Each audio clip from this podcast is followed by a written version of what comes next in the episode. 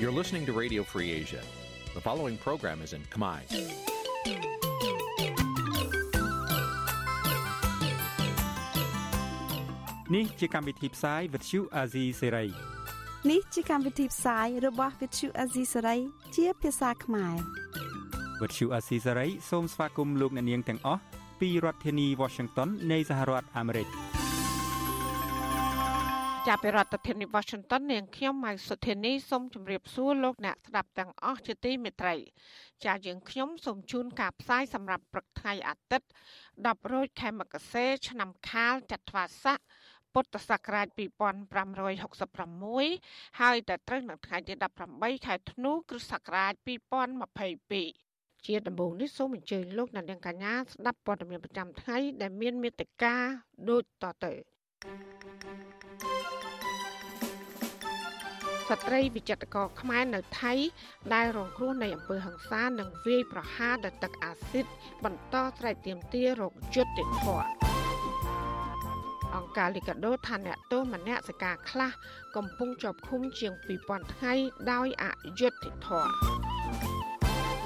តីតមន្ត្រីសុខាភិបាលស្នើសុំអភិបាលខេត្តកំពង់ឆ្នាំងអន្តរាគមកុំឲ្យធនាគារលក់ឡាយឡុងផ្ទះសងបំណុលបរដ្ឋមានចំនួនដីធ្លីស្នើឲ្យអាជ្ញាធរខេត្តឧត្តរមានជ័យដោះលែងនិងបញ្ឈប់ការតាមចាប់សមាជិកគ្រួសាររបស់ពួកគេ រួមនឹងព័ត៌មានសំខាន់សំខាន់មួយចំនួនទៀតជាបន្តទៅទៀតនេះនាងខ្ញុំម៉ៃសុធានីសូមជូនព័ត៌មានទាំងនោះពឺស្ដាប់ ចាលោកនានីជាទីមេត្រីមន្ត្រីជាន់ខ្ពស់ក្រសួងមហាផ្ទៃឲ្យដឹងថាស្ថានទូតកម្ពុជាកំពុងសហការជាមួយអាជ្ញាធរថៃ ដើម្បីស្នើទៅប៉ូលីសអន្តរជាតិតាមចាប់ជនបរទេស2នាក់ដែលបានវាយធ្វើបាបស្ត្រីវិចិត្រករខ្មែរម្នាក់នៅប្រទេសថៃបណ្ដាលឲ្យរងរបួសធ្ងន់ធ្ងរស្ទើរតែបាត់បង់ជីវិត ស្ត្រីរងគ្រោះថានៅមិនទាន់ឃើញស្ថានទូតខ្មែរតាក់ទងទៅគាត់និងក្រុមគូសាដើម្បីរកដំណោះស្រាយរឿងអំពើហិង្សាលើរាងកាយនេះទេបើទោះបីជាកញ្ញាបានដាក់ពាក្យបណ្ដឹងរយៈពេល1ខែក៏ដោយចាលោកថាថៃមានសេចក្តីរាយការណ៍ពឹស្ដាជំវិញព័ត៌មាននេះមន្ត្រីជាន់ខ្ពស់ក្រសួងមហាផ្ទៃអះអាងថាស្ថានទូតកម្ពុជាប្រចាំប្រទេសថៃកំពុងប្រតិបត្តិការរួមគ្នាជាមួយសមាជិកថៃដើម្បីស៊ើបអង្កេតលើករណីបរិសុទ្ធជនជាតិប៉ូឡូញ2នាក់ ដែលបានវាយដំចាក់កំបិតនិងជះទឹកអាស៊ីតលើរាងកាយស្ត្រីវិចិត្រករខ្មែរម្នាក់បណ្ដាលឲ្យរបួសធ្ងន់ធ្ងរក្នុងក្រុងផាត់យាខេត្តឈុនបុរីកាលពីថ្ងៃទី1ខែវិច្ឆិការដ្ឋលេខាធិការក្រសួងមហាផ្ទៃនិងជាអនុប្រធានអចិន្ត្រៃយ៍នៃគណៈកម្មាធិការជាតិប្រយុទ្ធប្រឆាំងការជួញដូរមនុស្សអ្នកស្រីជូប៊ុនអេងប្រាប់វិទ្យុអាស៊ីសេរីនៅថ្ងៃទី16ធ្នូថាអ្នកស្រីបានទូរស័ព្ទទៅស្ថានទូតខ្មែរនៅទីក្រុងបាងកកសួរនាំអំពីបញ្ហាស្ត្រីខ្មែររងទណ្ឌកម្មនៅទីនោះ ហើយស្ថានទូតឆ្លើយថាសមត្ថកិច្ចថៃកំពុងចាត់វិធានការលើរឿងនេះអ្នកស្រីបន្តថាស្ថានទូតក៏មិនបណ្ដោយឲ្យស្ត្រីខ្មែររងគ្រោះទទួលរងការវាយប្រហារជាលើកទី2ដែរដោយសារពេលនេះអាញាធរប្រទេសថៃនិងកម្ពុជាបានរួមដៃគ្នាការពារសុវត្ថិភាពជនជនរងគ្រោះនិងគ្រួសារតាមពាក្យបណ្ដឹងរបស់ស្ត្រីរងគ្រោះ តាមពិតចំពោះគេហៅថាបទល្មើសដែលកើតនៅក្នុងដែនដីអញ្ចឹងបើដែនដីថៃហ្នឹងគឺថៃជាសមត្ថកិច្ចថៃជាអ្នកទទួលខុសត្រូវតែយើងមានភារកិច្ចសហការអញ្ចឹងយើងបានជូនដំណឹងមកខាងសមត្ថកិច្ចនៅក្នុងស្រុកនេះដើម្បីធ្វើការការពារសុវត្ថិភាពក្រុមគ្រួសាររបស់គាត់នៅក្នុងស្រុកហើយយើងកំពុងតែតាមដានបន្តដែររឿងហ្នឹងពីព្រោះវាពាក់ព័ន្ធទៅនឹងជនជាតិយើងអញ្ចឹងអ្នកស្រីជូប៊ុនអេងជំរុញឲ្យសមត្ថកិច្ចអន្តរជាតិតាមចាប់ជនល្មើសឲ្យបានឆាប់ ផ្ទុយពីការលើកឡើងនេះស្ត្រីវិចិត្រករខ្មែរដែលជាជនរងគ្រោះកញ្ញានីស្រីរតប្រាប់វិទ្យុអាស៊ីសេរីថាកញ្ញាមិនដែលបានទទួលដំណឹងពីស្ថានទូតខ្មែរនៅប្រទេសថៃតាក់ទងមកសួរនាំអំពីបណ្ដឹងរបស់កញ្ញាទេកញ្ញាបញ្ជាក់ថាកញ្ញាបានដាក់បណ្ដឹងទៅស្ថានទូតតាំងពីថ្ងៃទី16ខែវិច្ឆិកាមកទល់ពេលនេះគ្មានបានចម្លើយនៅឡើយហើយកញ្ញាបានទូរស័ព្ទនិងអ៊ីមែលទៅសួរមន្ត្រីស្ថានទូតខ្មែរម្នាក់ឈ្មោះធីរីតែលោកធីរីឆ្លើយថាស្ថានទូតកំពុងដំណើរការលើរឿងនេះ កញ្ញានៅតែបារម្ភអំពីសុវត្ថិភាពខ្លួនឯងនៅប្រទេសថៃនិងក្រុមគ្រួសារនៅកម្ពុជាដោយសារជនល្មើសបន្តគំរាមថានឹងធ្វើបាបពួកគាត់បន្តទៀតកញ្ញាឲ្យដឹងថាមកទល់ពេលនេះមានអាជ្ញាធរថៃមកសួរនាំនិងឃ្លាំមើលសុវត្ថិភាពកញ្ញាម្ដងម្កាលដែរ ចាហើយបន្ទាប់មកខ្ញុំក៏ព្យាយាមទេទៅខាងស្ថានទូតខ្មែរនៅថៃនេះឡើង3ដងថាតើខ្ញុំអាចសុំกระดาษដែលពាក់ព័ន្ធដែលថាបងបានផ្ញើបញ្ជូនទៅខាងស្ថានទូតខ្មែរអញ្ចឹងខ្ញុំសុំអាចសុំกระดาษបានអត់តែគាត់នៅថាផ្ញើទៅហើយប៉ុន្តែគាត់អត់បានផ្ញើខ្ញុំខ្ញុំផ្ញើអ៊ីមែលទៅគាត់បើសិនជាពិបាកផ្ញើផ្ញើតាមអ៊ីមែលក៏ខ្ញុំអត់បានទទួលមកដល់ឥឡូវក៏ខ្ញុំអត់បានទទួលការខលឬក៏ព័ត៌មានអីមួយដែលបញ្ជាក់ថាឯកសារទាំងអស់បានទៅដល់អញ្ចឹងណាគាត់ មកលើតាមពាក្យសម្ដីតែប៉ុណ្្នឹងឯងចាតែជាក់ស្ដែងគឺខ្ញុំអត់តបានទទួលអីទេស្ត្រីជាងគំនូខ្មែរគឺកញ្ញានីស្រីរតឲ្យដឹងថានាងត្រូវបានបរោះជនជាតិប៉ូឡូញពីអ្នកវាយធ្វើបាបចាក់នឹងកំបិតព្រមទាំងជះទឹកអាស៊ីតលើមុខនិងលើរាងកាយបណ្ដាលឲ្យរងរបួសជាង260ធ្នេកាលពីថ្ងៃទី1ខែវិច្ឆិកានៅទីក្រុងបាត់យ៉ាខេត្តឈុនបុរីជនរងគ្រោះរូបនេះរៀបរាប់ថានៅថ្ងៃកើតហេតុមានស្ត្រីជនជាតិថៃម្នាក់ បានទូរស័ព្ទហៅកញ្ញាឲ្យទៅគូគំនូនៅលើជញ្ជាំងក្នុងហាងដែលទើបបើកថ្មីតែលុះទៅដល់កន្លែងកាត់ហេតុស្ត្រីថៃនោះឲ្យបរោះបរទេស2នាក់មកទទួលកញ្ញាហើយស្រាប់តែបរោះទាំង2នាក់នោះចាប់ចងដៃចងជើងនិងយកកញ្ញាទៅវាយធ្វើបាបតែម្ដងកញ្ញាអះអាងថាមិនដែលមានទំនាស់ឬស្គាល់ជនល្មើសឡើយក៏ប៉ុន្តែកញ្ញាដាក់ការសង្ស័យថាករណីនេះអាចជាការប្រច័ណ្ឌរបស់ស្ត្រីថៃម្នាក់ដែលបានបែកគ្នានឹងប្តីបរទេស ហើយចោទកញ្ញាថាជាអ្នកបំបែកបំបាក់ពួកគេក្រោយកើតហេតុកញ្ញាក៏បានប្តឹងទៅអគ្គស្នងការនគរបាលជាតិថៃនិងស្ថានទូតកម្ពុជាប្រចាំប្រទេសថៃហើយប៉ូលីសថៃកំពុងប្រតិបត្តិការលើរឿងនេះតែស្ថានទូតខ្មែរមិនទាន់មានការឆ្លើយតបនោះទេបច្ចុប្បន្ននេះកញ្ញានីស្រីរតកំពុងរស់នៅប្រទេសថៃតែម្នាក់ឯងហើយមុខរបួសក៏មិនទាន់ជាសះស្បើយដែរក៏ប៉ុន្តែកញ្ញាបានចាក់ចេញពីមន្ទីរពេទ្យទៅសម្រាប់ព្យាបាលនៅផ្ទះព្រោះខ្វះលុយបង់ឲ្យមន្ទីរពេទ្យ កញ្ញាមានស្រុកកំណើតនៅភ្នំពេញក៏ប៉ុន្តែបានទៅរស់នៅនិងធ្វើការក្នុងប្រទេសថៃជាង2ឆ្នាំទៅហើយកញ្ញាធ្លាប់សម្ដែងភាពយន្តនៅប្រទេសថៃនិងប្រទេសភូមាហើយក៏ធ្លាប់ធ្វើការងារមនុស្សធម៌ជួយដល់ពលរដ្ឋខ្មែរដែលរងគ្រោះដោយការរាតត្បាតជំងឺ Covid-19 ដោយដើរចែកពូជមន់ចិញ្ចឹមដល់ពលរដ្ឋខ្មែរនៅតាមទីជនបទជុំវិញរឿងនេះដែរមន្ត្រីគម្រោងនៃមជ្ឈមណ្ឌលសម្ព័ន្ធភាពការងារនិងសិទ្ធិមនុស្សអង្គការសង្ត្រាល់លោកលឹងសុផុនលើកឡើងថាស្ថានទូតខ្មែរនៅប្រទេសថៃ ត្រូវតែចាត់វិធានការឲ្យបានម៉ឺងម៉ាត់ដើម្បីរកយុត្តិធម៌ដល់ស្ត្រីខ្មែររងគ្រោះលោកបន្ថែមថាជនបរទេសដែលវាយដំលើរាងកាយលើពលរដ្ឋខ្មែរមិនថាពួកគេជាជនជាតិអ្វីទេគូតែរដ្ឋាភិបាលខ្មែរសហការជាមួយនឹងអាជ្ញាធរថៃស៊ើបអង្កេតឲ្យបានច្បាស់លើករណីហិង្សានេះ ទៅតែតាមចាប់តាមមកយកមកសួរចម្លើយឲ្យបានច្បាស់លាស់អញ្ចឹងណាមិនមានករណីអញ្ចឹងចឹងកើតឡើងហើយយើងមិនស្វែងយល់យើងមិនស្វែងរកយើងមិនស៊ើបសង្កេតមើលចាត់ទុកថាដូចជាមិនជួយមិនអីសោះក៏វាមិនកើតដែរព្រោះយើងជាចិត្តសាសមួយដែរកាសែតថៃបានចុះផ្សាយថាប៉ូលីសថៃបានចេញលិខិតនៅថ្ងៃទី10ខែវិច្ឆិកាដើម្បីតាមចាប់ខ្លួនបរិសុជនជាតិប៉ូឡូញទាំងពីរនាក់ម្នាក់ឈ្មោះ Daniel Machuski និងម្នាក់ទៀតឈ្មោះ Matthew Petkrinik ជនបរទេសទាំងពីរនាក់នោះគឺម្នាក់មានអាយុ35ឆ្នាំនិងម្នាក់ទៀតអាយុ40ឆ្នាំនឹងត្រូវបានអាជ្ញាធរថៃចោទប្រកាន់ពីបទរួមគំនិតធ្វើបាបជនដទៃដោយមានគម្រោងទុកជាមុនរហូតធ្វើឲ្យជនរងគ្រោះរបួសធ្ងន់ធ្ងរស្ទើរបាត់បង់ជីវិតនិងធ្វើទរណកម្មលើរាងកាយដោយខុសច្បាប់កាសែតថៃផ្សាយថាបច្ចុប្បន្នជនដៃដល់ទាំងពីរនាក់នោះបានរត់ចេញពីប្រទេសថៃកាលពីថ្ងៃទី3ខែវិច្ឆិកាក្រោយធ្វើទរណកម្មលើស្ត្រីខ្មែរហើយពេលនេះ ពួកគេកំពុងលាក់ខ្លួននៅក្នុងប្រទេសហ្វីលីពីនខ្ញុំថាថៃពីទីក្រុងមែលប៊នចាលោកនានីរដ្ឋមិត្រីអង្គការសិទ្ធិមនុស្សលើកដោបង្ហាញថាអ្នកទោសមនសិការរួមមានសកម្មជននយោបាយនិងសកម្មជនការពារសិទ្ធិមនុស្សកំពុងជាប់ឃុំនៅពន្ធនាគារដោយអយុត្តិធម៌អស់រាប់រយពាន់ថ្ងៃ នៅតែមិនទទួលបានការដោះលែង ទោះជាបែបនេះក្តីមន្ត្រីបកកណ្ដាលអំណាចថ្លែងថាការចាត់ប្រកាន់និងការឃុំខ្លួនសកម្មជនទាំងនោះគឺជាការអនុវត្តច្បាប់ចាប់ពីរដ្ឋធានី Washington លោកជាតិចំណានរាយការណ៍ព័ត៌មាននេះអង្គការសិទ្ធិមនុស្សលីកាដូបានចងក្រងនឹងរាប់ចំនួនថ្ងៃដែលអ្នកជាប់ទោសមនសិការកំពុងជាប់ឃុំក្នុងពន្ធនាគារអ្នកជាប់ទោសទាំងនោះបានបាត់បង់សេរីភាពពី50ថ្ងៃទៅ100ថ្ងៃ200ថ្ងៃ500ថ្ងៃ1000ថ្ងៃ និងអ្នកខ្លះទៀតជាប់ឃុំជាង2000ថ្ងៃមន្ត្រីសិទ្ធិមនុស្សលើកឡើងថាការចាប់ខ្លួននិងការចោទប្រកាន់ទៅលើសកម្មជនសិទ្ធិមនុស្សនយោបាយនិងដីធ្លីទាំងនោះខ្វះមូលដ្ឋានច្បាប់គ្រប់គ្រាន់ហើយបញ្ហានេះបង្កឲ្យមានការឈឺចាប់ដល់សកម្មជនដែលកំពុងជាប់ឃុំនិងប៉ះពាល់ដល់គ្រួសាររបស់ពួកគេអង្គការសិទ្ធិមនុស្សលីកាដូបានបង្ហាញពីឈ្មោះទូនីតិថ្ងៃដែលសមត្ថកិច្ចចាប់ខ្លួនអ្នកទោសមនសិការទាំងនោះតាមគេហទំព័ររបស់ខ្លួននាយកទទួលបន្ទុកកិច្ចការទូតនៃអង្គការលីកាដូលោកអំសំអាតបានដឹងថា ការបង្ហោះព័ត៌មានទាំងនេះគឺជាការបង្ហាញថាអ្នកទោសមនសិការមិនគួរត្រូវបានចាប់ខ្លួនព្រោះការអនុវត្តសិទ្ធិរបស់ខ្លួនឡើយលោកបន្តទៀតថាការបង្ហោះព័ត៌មាននេះជាផ្នែកមួយនៃការតស៊ូមតិដើម្បីស្នើទៅរដ្ឋាភិបាលឬស្ថាប័នពាក់ព័ន្ធគួរផ្ដល់សិទ្ធិសេរីភាពដល់អ្នកជាប់ឃុំទាំងនោះវិញលោកអំសម្បត្តិបានដឹងដែរថាការបង្ហោះនេះក៏ទទួលបានការចាប់អារម្មណ៍ពីសាធារណជនដែលបានចូលអានទំព័រនេះមន្ត្រីសិទ្ធិមនុស្សរូបនេះនៅតែយល់ថាការចោទប្រកាន់និងការឃុំខ្លួនលើសកម្មជនទាំងនោះ មិនត្រឹមត្រូវតាមច្បាប់នោះទេ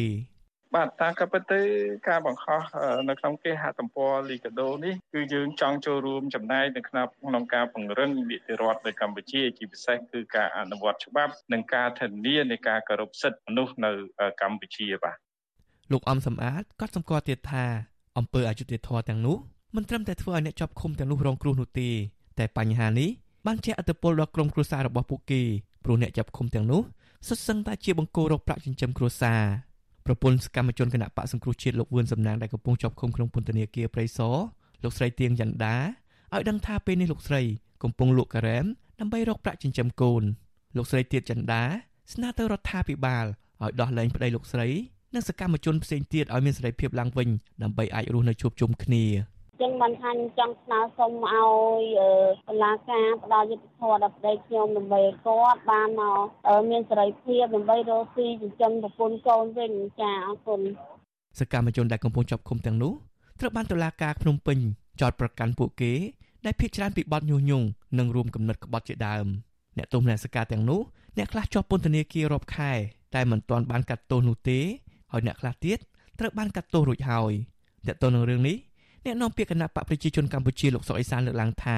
ការសម្រេចបែបណាលើសំណុំរឿងនេះគឺជាសិទ្ធិរបស់តុលាការលោកនៅតែអះអាងដដែលដដែលថាការដែលតុលាការសម្រេចចោទប្រកាន់និងផ្ដន្ទាទោសលើសកម្មជនទាំងនោះគឺឈលលើមូលដ្ឋានច្បាប់និងមានភស្តុតាងគ្រប់គ្រាន់អ្នកនាំពាក្យបកកណ្ដាលអំណាចរូបនេះអះអាងទៀតថានៅពេលករណីសកម្មជនទាំងនេះចូលដល់ដៃតុលាការរួចហើយគ្មានការយោគយល់ឬសម្របសម្រួលអ្វីទៀតនោះទេ ពួកគាត់អ្នកធ្វើគាត់អ្នកទទួលផលអាហ្នឹងមិនមែនទទួលផលខ្លួនឯងគាត់តែជាប់ពន្ធនាគារទេរហូតទៅដល់ជាអតិពលលំបាកវេទនាដល់ក្រុមគ្រួសារទៀតអាហ្នឹងទៅបន្ទោណាអាហ្នឹងយើងខំធ្វើសកម្មភាពបំរើ នយោបាយរបស់ក្រមធៀមក្រៅច្បាប់ទោះបីជាមន្ត្រីបកកាន់អំណាចអះអាងបែបនេះក្តីប៉ុន្តែអង្គការជាតិនិងអន្តរជាតិរិះគន់ថាការចាប់ខ្លួននិងការចោទប្រកាន់លើអ្នកជាប់ឃុំទាំងនោះថាជាប់ពាក់ព័ន្ធទៅនឹងហេតុផលនយោបាយច្រើនជាងការអនុវត្តច្បាប់ គិតមកដល់ពេលនេះអ្នកជាប់ឃុំមនសិការមានចំនួន49នាក់អ្នកជាប់ឃុំទាំងនោះរួមមានសកម្មជននយោបាយសិទ្ធិមនុស្សដីធ្លីសហជីពនិងអ្នកសារព័ត៌មានផងដែរអ្នកខ្លះត្រូវបានជាប់ពន្ធនាគារជាង1ឆ្នាំនិងអ្នកផ្សេងទៀតត្រូវជាប់ឃុំរហូតជាង15ឆ្នាំក៏មានខ្ញុំបាទចិត្តចំណាន Visual Assisray ប្រធានាទី Washington ចាលោកនាងកញ្ញាកំពុងស្ដាប់ការផ្សាយរបស់វិទ្យុអសីស្រីផ្សាយចេញពីរដ្ឋធានី Washington ពាក់ព័ន្ធនឹងការបណ្ដឹងចេញដោយការប្រើអំពើហិង្សានៅខេត្តឧត្តរមានជ័យប្រជាពលរដ្ឋរងគ្រោះជាច្រើនរយគ្រួសារស្នើឲ្យតុលាការខេត្តនេះដោះលែងសមាជិកគ្រួសាររបស់ពួកគេដែលកំពុងជាប់ឃុំ និងបញ្ឈប់ការតាមចាប់ពួកគាត់តទៅទៀត។ ចាសំណើនេះធ្វើឡើងក្រោយពីសមត្ថកិច្ចបានបណ្ដេញពួកគាត់ដោយបង្ខំកាលពីថ្ងៃទី10ខែធ្នូនិងបានប្រើអំពើហិង្សាវាយដំលើប្រជាពលរដ្ឋទាំងប្រុសទាំងស្រីបណ្ដាពួកគាត់ភ័យតក់ស្លុតរត់គេចខ្លួនចោលផ្ទះសម្បែងខ្លះរងគ្រោះនិងខ្លះជាប់ពន្ធនាគារជាដើមចាសសេចក្តីរាយការណ៍ពីស្ដាមពីរឿងនេះលោកដានៀងនឹងបានស្ដាប់នាពេលបន្តិចទៀតនេះ ចាលោកនាងកញ្ញាកំពុងស្ដាប់ការផ្សាយរបស់វិទ្យុអសីសេរីផ្សាយចេញពីរដ្ឋធានី Washington ជាដំណើរគ្នានឹងស្ដាប់ការផ្សាយរបស់វិទ្យុអសីសេរីតាមបណ្ដាញសង្គម Facebook និង YouTube លោកនាងកញ្ញាក៏អាចស្ដាប់ការផ្សាយរបស់វិទ្យុអសីសេរីតាមរយៈរលកធាតុអាកាសខ្លីឬ Shortwave តាមកម្រិតនិងកម្ពស់ដូចតទៅ ចាប់ពេលព្រឹកចាប់ពីម៉ោង5កន្លះដល់ម៉ោង6កន្លះតាមរយៈប៉ុស SW 9.39 MHz ស្មើនឹងកម្ពស់ 32m និងប៉ុស SW 11.85 MHz ស្មើនឹងកម្ពស់ 25m ចាសម្រាប់ពេលយប់វិញចាប់ពីម៉ោង7កន្លះដល់ម៉ោង8កន្លះ តាមរយៈប៉ុស SW 9.39 MHz ស្មើនឹងកម្ពស់ 32m ប៉ុស SW 11.88 MHz ស្មើនឹងកម្ពស់ 25m និងប៉ុស SW 15.15 MHz ស្មើនឹងកម្ពស់ 20m ចាសសូមអរគុណ ចាលោកអ្នកនាងជាទីមេត្រីនៅឯខេត្តកំពង់ឆ្នាំងឯណោះវិញអតីតមន្ត្រីសុខាភិបាលខេត្តម្នាក់ស្នើសុំអភិបាលខេត្តកំពង់ឆ្នាំងអន្តរាគមកុំឲ្យធនាគារហត្ថាកសិករបង្ខំឲ្យគាត់លក់ដីនិងផ្ទះដើម្បីសងបំណុលចាលោកថាថៃមានសេចក្តីរាយការណ៍មួយទៀតជំវិញព័ត៌មាននេះបញ្ហាបុគ្គលិកគ្រឹះស្ថានផ្ដល់ប្រាក់កម្ចីគម្រាមកំហែងឲ្យកូនបំណុលលក់ទ្រព្យសម្បត្តិដើម្បីសងបំណុលនៅតែកើតមានឡើងជារឿយៗនៅក្នុងប្រទេសកម្ពុជា មន្ត្រីចូលនិវត្តន៍ម្នាក់ដែលធ្លាប់បម្រើការងារនៅមន្ទីរសុខាភិបាលខេត្តកំពង់ឆ្នាំងគឺលោកស្រីទៀងរ៉ាដាបានដាក់លិខិតមួយទៅអភិបាលខេត្តកំពង់ឆ្នាំងដើម្បីសុំឲ្យជួយដោះស្រាយបញ្ហាធនាគារហត្ថាកសិករបង្ខំឲ្យលោកស្រីលក់ដីនិងផ្ទះដើម្បីសងបំណុលលិខិតនេះបានបញ្ជាក់ថាលោកស្រីបានខ្ចីប្រាក់ចំនួនជាង30,000ដុល្លារអាមេរិកដើម្បីយកសាងសង់ផ្ទះកាលពីឆ្នាំ2017ហើយលោកស្រីបានបង់ប្រាក់ជាទៀងទាត់ក្នុងរយៈពេល39ខែក្រោយពេលខ្ចី ក៏ប៉ុន្តែដោយសារការរីករាលដាលជំងឺ Covid-19 កាលពីឆ្នាំ2020លោកស្រីបានបាត់បង់ចំណូលបន្ថែមពីការងារបណ្ដាលឲ្យលោកស្រីមិនមានលទ្ធភាពសងប្រាក់ត្រឡប់ដល់ធនាគារប្រចាំខែចំនួនជាង500ដុល្លារអាមេរិកនោះទេជាស្ត្រីមេម៉ាយនិងមានអាយុ62ឆ្នាំលោកស្រីទៀងរ៉ាដាបានប្រាប់វិទ្យុអាស៊ីសេរីនៅថ្ងៃទី17ធ្នូថា លោកស្រីបានស្នើសុំដល់ធនាគារធ្វើការផ្លាស់ប្តូររបៀបបង់ប្រាក់ប្រចាំខែមកត្រឹម300ដុល្លារក៏ប៉ុន្តែខាងធនាគារមិនព្រមសម្រួលឲ្យឡើយលោកស្រីបន្ថែមថានាយកសាខាធនាគារហត្ថាកសិករខេត្តកំពង់ឆ្នាំងគឺលោកសុកស៊ីណានជាមួយនឹងមន្ត្រីអនុទាន2នាក់ទៀតកាលពីថ្ងៃទី12ធ្នូកន្លងទៅ បានចុះទៅផ្ទះលោកស្រីហើយបានប្រាប់ពាក្យមិនសមរម្យជាច្រើននិងបានបង្ខំឲ្យលោកស្រីលក់ដីនៅផ្ទះក្នុងតម្លៃឡៃឡុងឲ្យបានឆាប់ដើម្បីសងបំណុល លោកស្រីទៀងរ៉ាដាសនំពោដល់អភិបាលខេត្តកំពង់ឆ្នាំងនិងអាជ្ញាធរពាក់ព័ន្ធជួយឲ្យធនាគារយោគយល់ក្នុងការសងត្រឡប់វិញផងព្រោះបច្ចុប្បន្ននេះលោកស្រីមានបន្ទុកចិញ្ចឹមកូនស្រីដែលមានជំងឺប្រចាំកាយនិងចៅម្នាក់ទៀតផង គាត់មកគាត់ស្ដីឲ្យហ្មងគាត់អត់មានមកសម្របសម្រួលនេះគាត់និយាយថាចង់ដេកឲ្យប្រាប់ដល់ណាទៀតបើសិនជាខ្ញុំវិញសុកចិត្តនៅផ្ទះដបូលភក់មេឃខ្ញុំលក់យកលុយសងគេហើយខ្ញុំមិននៅឲ្យទ្រាប់ឲ្យអីទៀតទេព្រោះខ្ញុំក៏បានតែថាលកូខ្ញុំដាក់លក់3 4ឆ្នាំហើយប៉ុន្តែអត់ទាន់មានអ្នកចូលទិញលោកស្រីទៀងរ៉ាដាបន្ថែមថាលោកស្រីមិនអាចលក់ដីនឹងផ្ទះក្នុងតម្លៃឡៃឡង់ដោយការចង់បានរបស់ធនាគារនោះទេ ព្រោះគេឲ្យតម្លៃត្រឹមតែជាង50000ដុល្លារខណៈតម្លៃក្នុងទីផ្សារជាង100,000ដុល្លារឯណោះវិទ្យុអាស៊ីសេរីមិនអាចតាក់ទងអភិបាលខេត្តកំពង់ឆ្នាំងលោកស៊ុនសវណ្ណរិទ្ធដើម្បីសុំការបកស្រាយជំវិញករណីនេះបាននៅឡើយទេនៅថ្ងៃទី17ខែធ្នូដោយទូរស័ព្ទចូលតែពុំមានអ្នកទទួលឆ្លើយតបនឹងការលើកឡើងនេះនាយកសាខាធនាគារហត្ថាកសិករលោកសុកស៊ីណានប្រាប់វិទ្យុអាស៊ីសេរីនៅថ្ងៃទី17ធ្នូថាលោកមិនបានបង្ខំឲ្យកូនបំណុលលក់ដីនិងផ្ទះដើម្បីសងបំណុល ដោយសម្ដីរបស់លោកស្រីទៀងរ៉ាដាដែលបានលើកឡើងនោះឡើយហើយខាងធនាគារក៏បានយោគយល់ដល់ការបង់ប្រាក់ដល់លោកស្រីអស់រយៈពេល2ឆ្នាំមកហើយដែរដូចជាមិនមានទេហ្នឹងបើធៀបពិតទៅរឿងលក់រឿងតូអីនេះវាមិនមែនជាឆន្ទានុសិទ្ធិរបស់ការងាររបស់បុគ្គលិកនៅខាងធនាគារទេទោះជាយ៉ាងណាលោកស្រីទៀងរ៉ាដាអះអាងថាលោកសុកស៊ីណានពិតជាបានបង្ខំឲ្យលោកស្រីលក់ផ្ទះហើយមានសាក់សីជាច្រើនបានដឹងរឿងនេះ អង្គការលីកាដូនិងអង្គការសមត្ថៈកម្ពុជាសហការជាមួយនឹងអង្គការ FIAN ប្រទេសអាល្លឺម៉ង់បានរួមគ្នាធ្វើរបាយការណ៍និងរកឃើញអំពីបញ្ហាធ្ងន់ធ្ងរក្នុងវិស័យហិរញ្ញវត្ថុនៅកម្ពុជាកាលពីថ្ងៃទី14ខែកញ្ញារបាយការណ៍បង្ហាញថាប្រជាពលរដ្ឋខ្មែរជាង160,000នាក់កំពុងលក់ដីដើម្បីបង់សងកម្ចីឥណទានក្នុងរយៈពេល5ឆ្នាំចុងក្រោយនេះនៅក្នុងរបាយការណ៍នេះក៏បង្ហាញដែរថាអ្នកខ្ចីប្រាក់ជាច្រើនបានរងគ្រោះពីការរំលោភលើសិទ្ធិមនុស្សហើយពួកគេទាំងនោះជាញឹកញាប់ ត្រូវកាត់បន្ថយការបរិភោគអាហារនិងបញ្ឈប់ការសិក្សារបស់កូនកូនហើយបង្ខំឲ្យទៅធ្វើការដើម្បីរកប្រាក់មកសងបំណុលធនាគារជុំវិញរឿងនេះនាយកប្រតិបត្តិអង្គការសមត្ថៈកម្ពុជាលោកអៀងវុធីថ្លែងថាការបង្ខំឲ្យកូនបំណុលលក់ទ្រព្យសម្បត្តិដើម្បីសងបំណុលពីស្ថាប័នផ្ដល់ប្រាក់កម្ចីនៅតែកើតមានដោយសារតែស្ថាប័នផ្ដល់ប្រាក់កម្ចីតែងតែទាមទារកូនបំណុលដាក់ប្លង់ដីបញ្ចាំ លោកបន្ថែមថាដើម្បីទប់ស្កាត់កុំឲ្យបុគ្គលិករបស់ស្ថាប័នផ្ដល់ប្រាក់កម្ចីបង្ខិតបង្ខំកូនបំណុលឲ្យលក់ទ្រព្យសម្បត្តិស្ថាប័នផ្ដល់ប្រាក់កម្ចីត្រូវមានគោលនយោបាយផ្ទៃក្នុងច្បាស់លាស់និងត្រូវដាក់ពិន័យចំពោះបុគ្គលិកដែលបានប្រព្រឹត្តកំហុសជាមួយគ្នានេះលោកអៀងវុធីស្នើដល់រដ្ឋាភិបាលត្រូវធ្វើគោលនយោបាយការពារអតិថិជនប្រើប្រាស់កម្ចីធនជាតិមួយ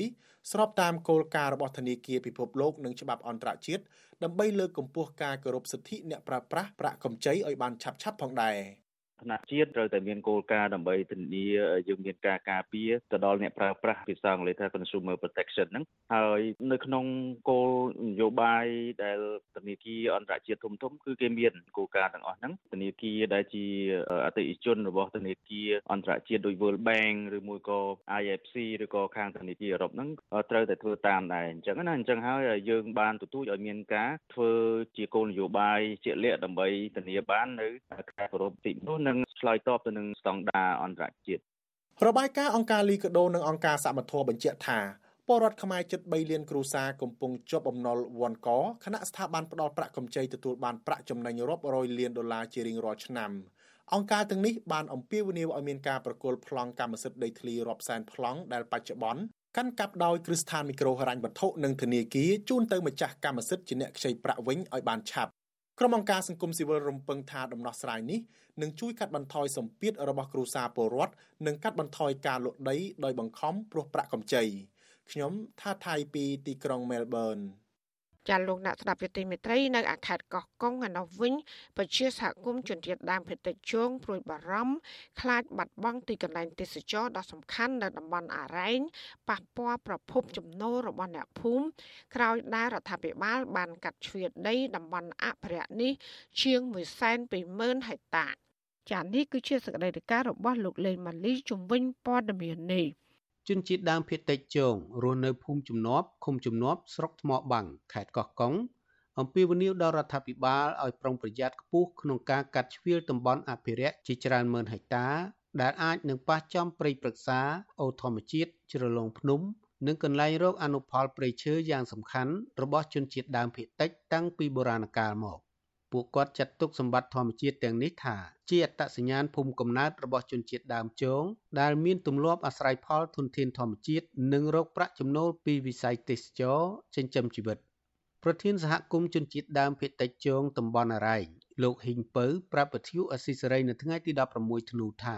ក្រោយពីអ្នកភូមិទទួលដំណឹងថាតំបន់អរ៉ែងត្រូវបានរដ្ឋាភិបាលកាត់ជ្រៀលចេញដ៏ធំសម្បើមធ្វើឲ្យពួកគាត់ដេកភ័យ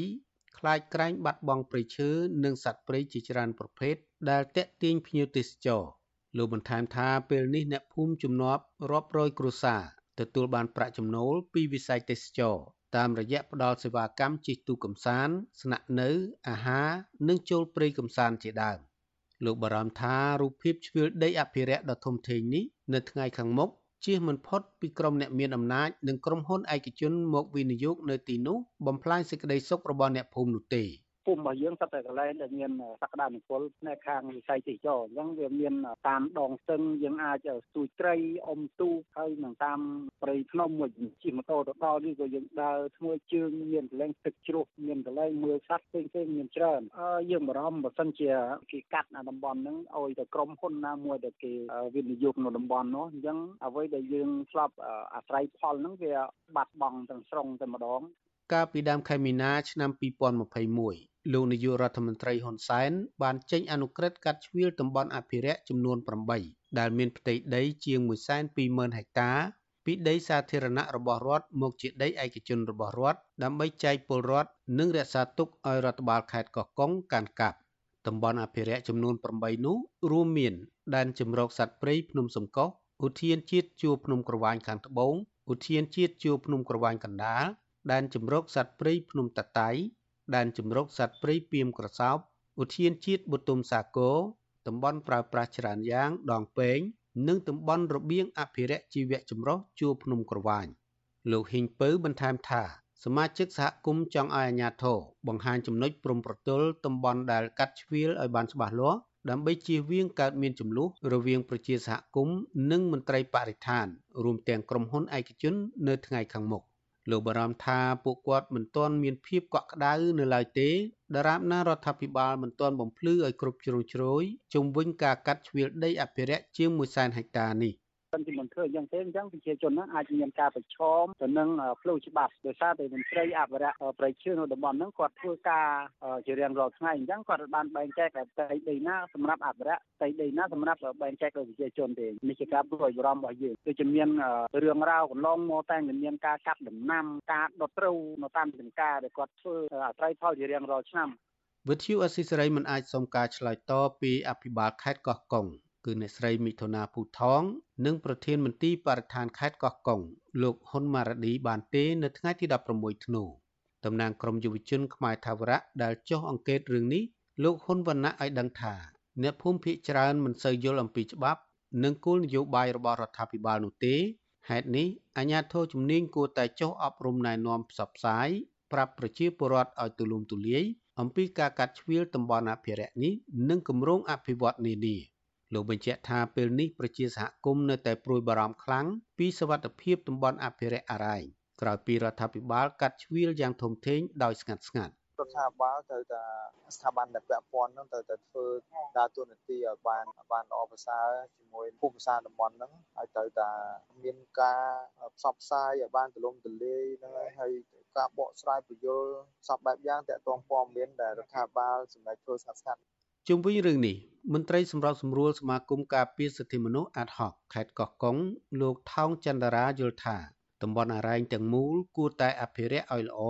ដោយមិនត្រូវបើកឲ្យមានការវិនិយោគកាប់បំផ្លាញធនធានធម្មជាតិក្នុងតំបន់នេះឡើយព្រោះវាធ្វើឲ្យបាត់បង់អត្តសញ្ញាណជនជាតិដើមភាគតិចជងលោកបន្ថែមថាព្រៃព្រឹក្សានៅតំបន់នោះជាអាយុជីវិតរបស់ជនជាតិដើមភាគតិចដូច្នេះអាជ្ញាធរគួរតែថែរក្សាឲ្យគង់វង្ស ព្រៃឈើតំបន់អរ៉ែងគឺជាកន្លែងដ៏ស្រស់ស្អាតមួយក្នុងខេត្តកោះកុងដែលមានប្រភេទសត្វព្រៃដ៏កម្រ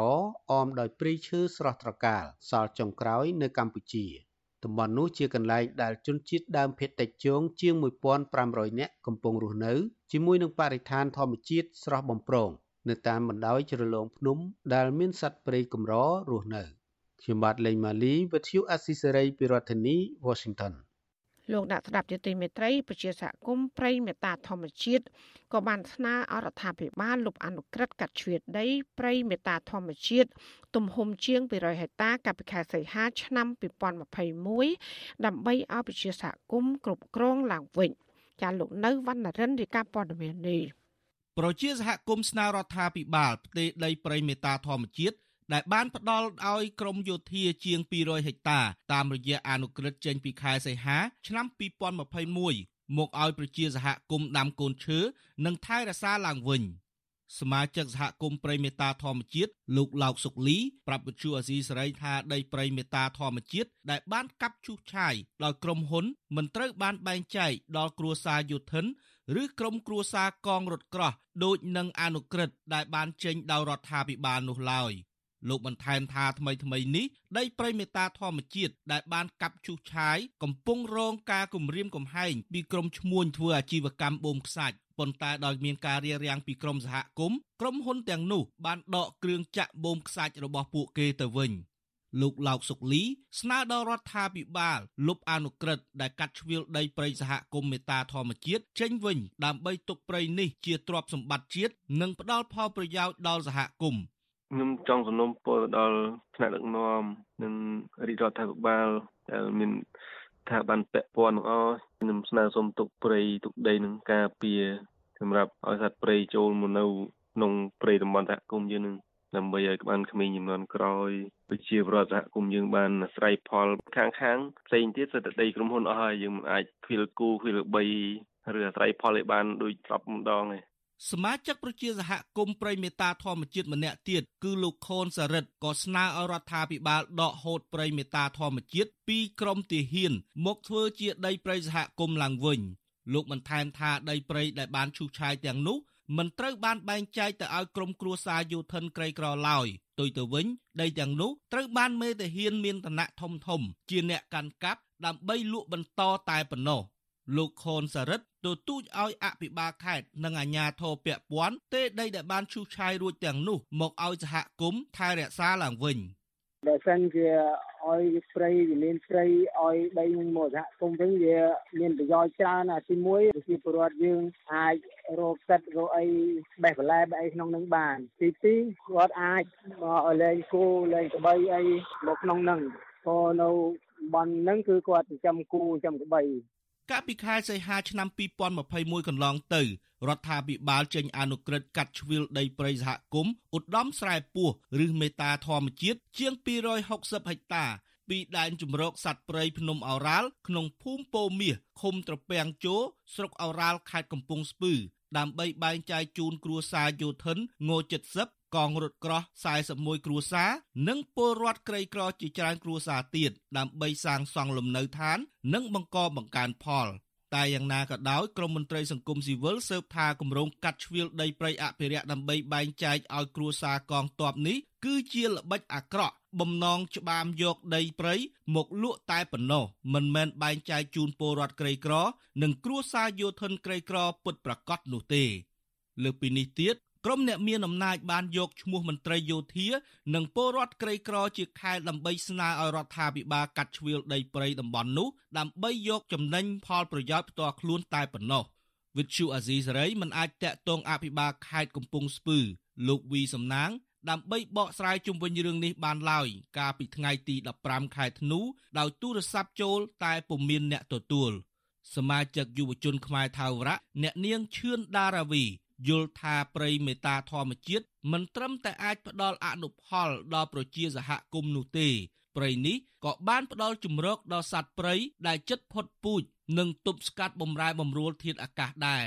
អ្នកនាងគាំទ្រចំពោះការស្នើសុំរបស់សហគមន៍ដែលចង់ឲ្យរដ្ឋាភិបាលលុបអនុក្រឹត្យកាត់ជ្រឿលដីព្រៃមេតាធម្មជាតិព្រោះដីព្រៃដែលបានឈូសឆាយមិនត្រូវបានបែងចែកជូនក្រុមគ្រួសារយោធិនក្រីក្រពិតប្រាកដនោះឡើយ។ សមាជិកយុវជនខ្មែរថាវរៈដដែលបន្ថែមថាបច្ចុប្បន្នក្រុមឈ្មួញធ្វើអាជីវកម្មបូមខ្សាច់តែងលួចចូលបូមខ្សាច់សាកល្បង ដើម្បីដឹងពីគុណភាពខ្សាច់នៅលើផ្ទៃដីទាំងនោះហើយសកម្មភាពទាំងនេះគឺផ្ទុយនឹងគោលបំណងនៃអនុក្រឹត្យដែលបានកាត់ជ្រឿលដីព្រៃសហគមន៍ការកាត់ជ្រៀលដីក្នុងអនុក្រឹត្យឲ្យទៅគ្រួសារតាហ៊ាននេះយើងឃើញជាក់ស្ដែងគឺសម្រាប់ធ្វើអាជីវកម្មបូមខ្សាច់អីផ្សេងផ្សេងអញ្ចឹងណាដែល កន្លងទៅហើយឥឡូវហ្នឹងក៏អាដីដែលអនុក្រឹត្យថ្មីហ្នឹងក៏វាដូចគ្នាណាចាស់នោះដែរព្រោះអាចាស់មុនសម្រាប់តែ12គ្រួសារហើយប្រហែលហិកតាហ្នឹងគឺអត់មានគ្រួសារតបទៅនៅឃើញតែមានអាជីវកម្មបូមខ្សាច់ព្រៃសហគមន៍មេតាធម្មជាតិមានផ្ទៃដី887ហិកតា មានសត្វព្រៃកម្រជាច្រើនប្រភេទរស់នៅក្នុងទីនោះ រួមមានទោចស្វាក្ងោកមាន់ព្រៃនិងឆ្លុះជាដើម ប្រជាសហគមន៍ធ្លាប់រងអំពើហិង្សាពីក្រមយោធាជាច្រើនដង ដោយសារតែពួកគេធ្វើការតវ៉ាមិនអោយក្រមយោធាឈូសឆាយដីព្រៃលើសពីទំហំអនុក្រឹត្យកាត់ជ្រៀលឲ្យ កន្លងមករដ្ឋបាលខេត្តកំពង់ស្ពឺក៏ធ្លាប់បានចុះទៅវាស់ដើម្បីកំណត់ព្រំប្រទល់រវាងដីព្រៃសហគមន៍ដែលនៅសេសសល់និងដីដែលត្រូវបានឈូសឆាយដោយអនុក្រឹត្យផងដែរក៏ប៉ុន្តែគេមិនទាន់បានឃើញមានការកំណត់ព្រំប្រទល់ច្បាស់លាស់ណាមួយនៅឡើយទេដោយឡែកដីព្រៃសហគមន៍មេតាធម្មជាតិដែលត្រូវបានឈូសឆាយទាំងអស់ត្រូវបានទុកចោលនិងមិនមានការអភិវឌ្ឍអ្វីនោះឡើយខ្ញុំបាទនៅវណ្ណរិន With Chu Asisari ពីរដ្ឋធានី Washington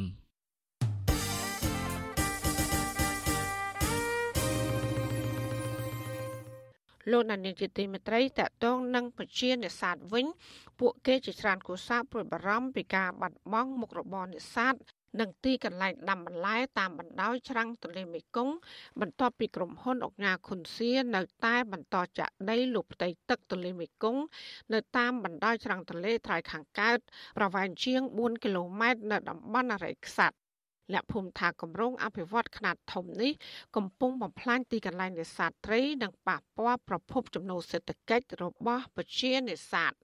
ចាសសេចក្តីរាយការណ៍ពីស្ដាមពីរឿងនេះលោកដានៀងក៏នឹងបានស្ដាប់នាពេលបន្តិចទៀតនេះ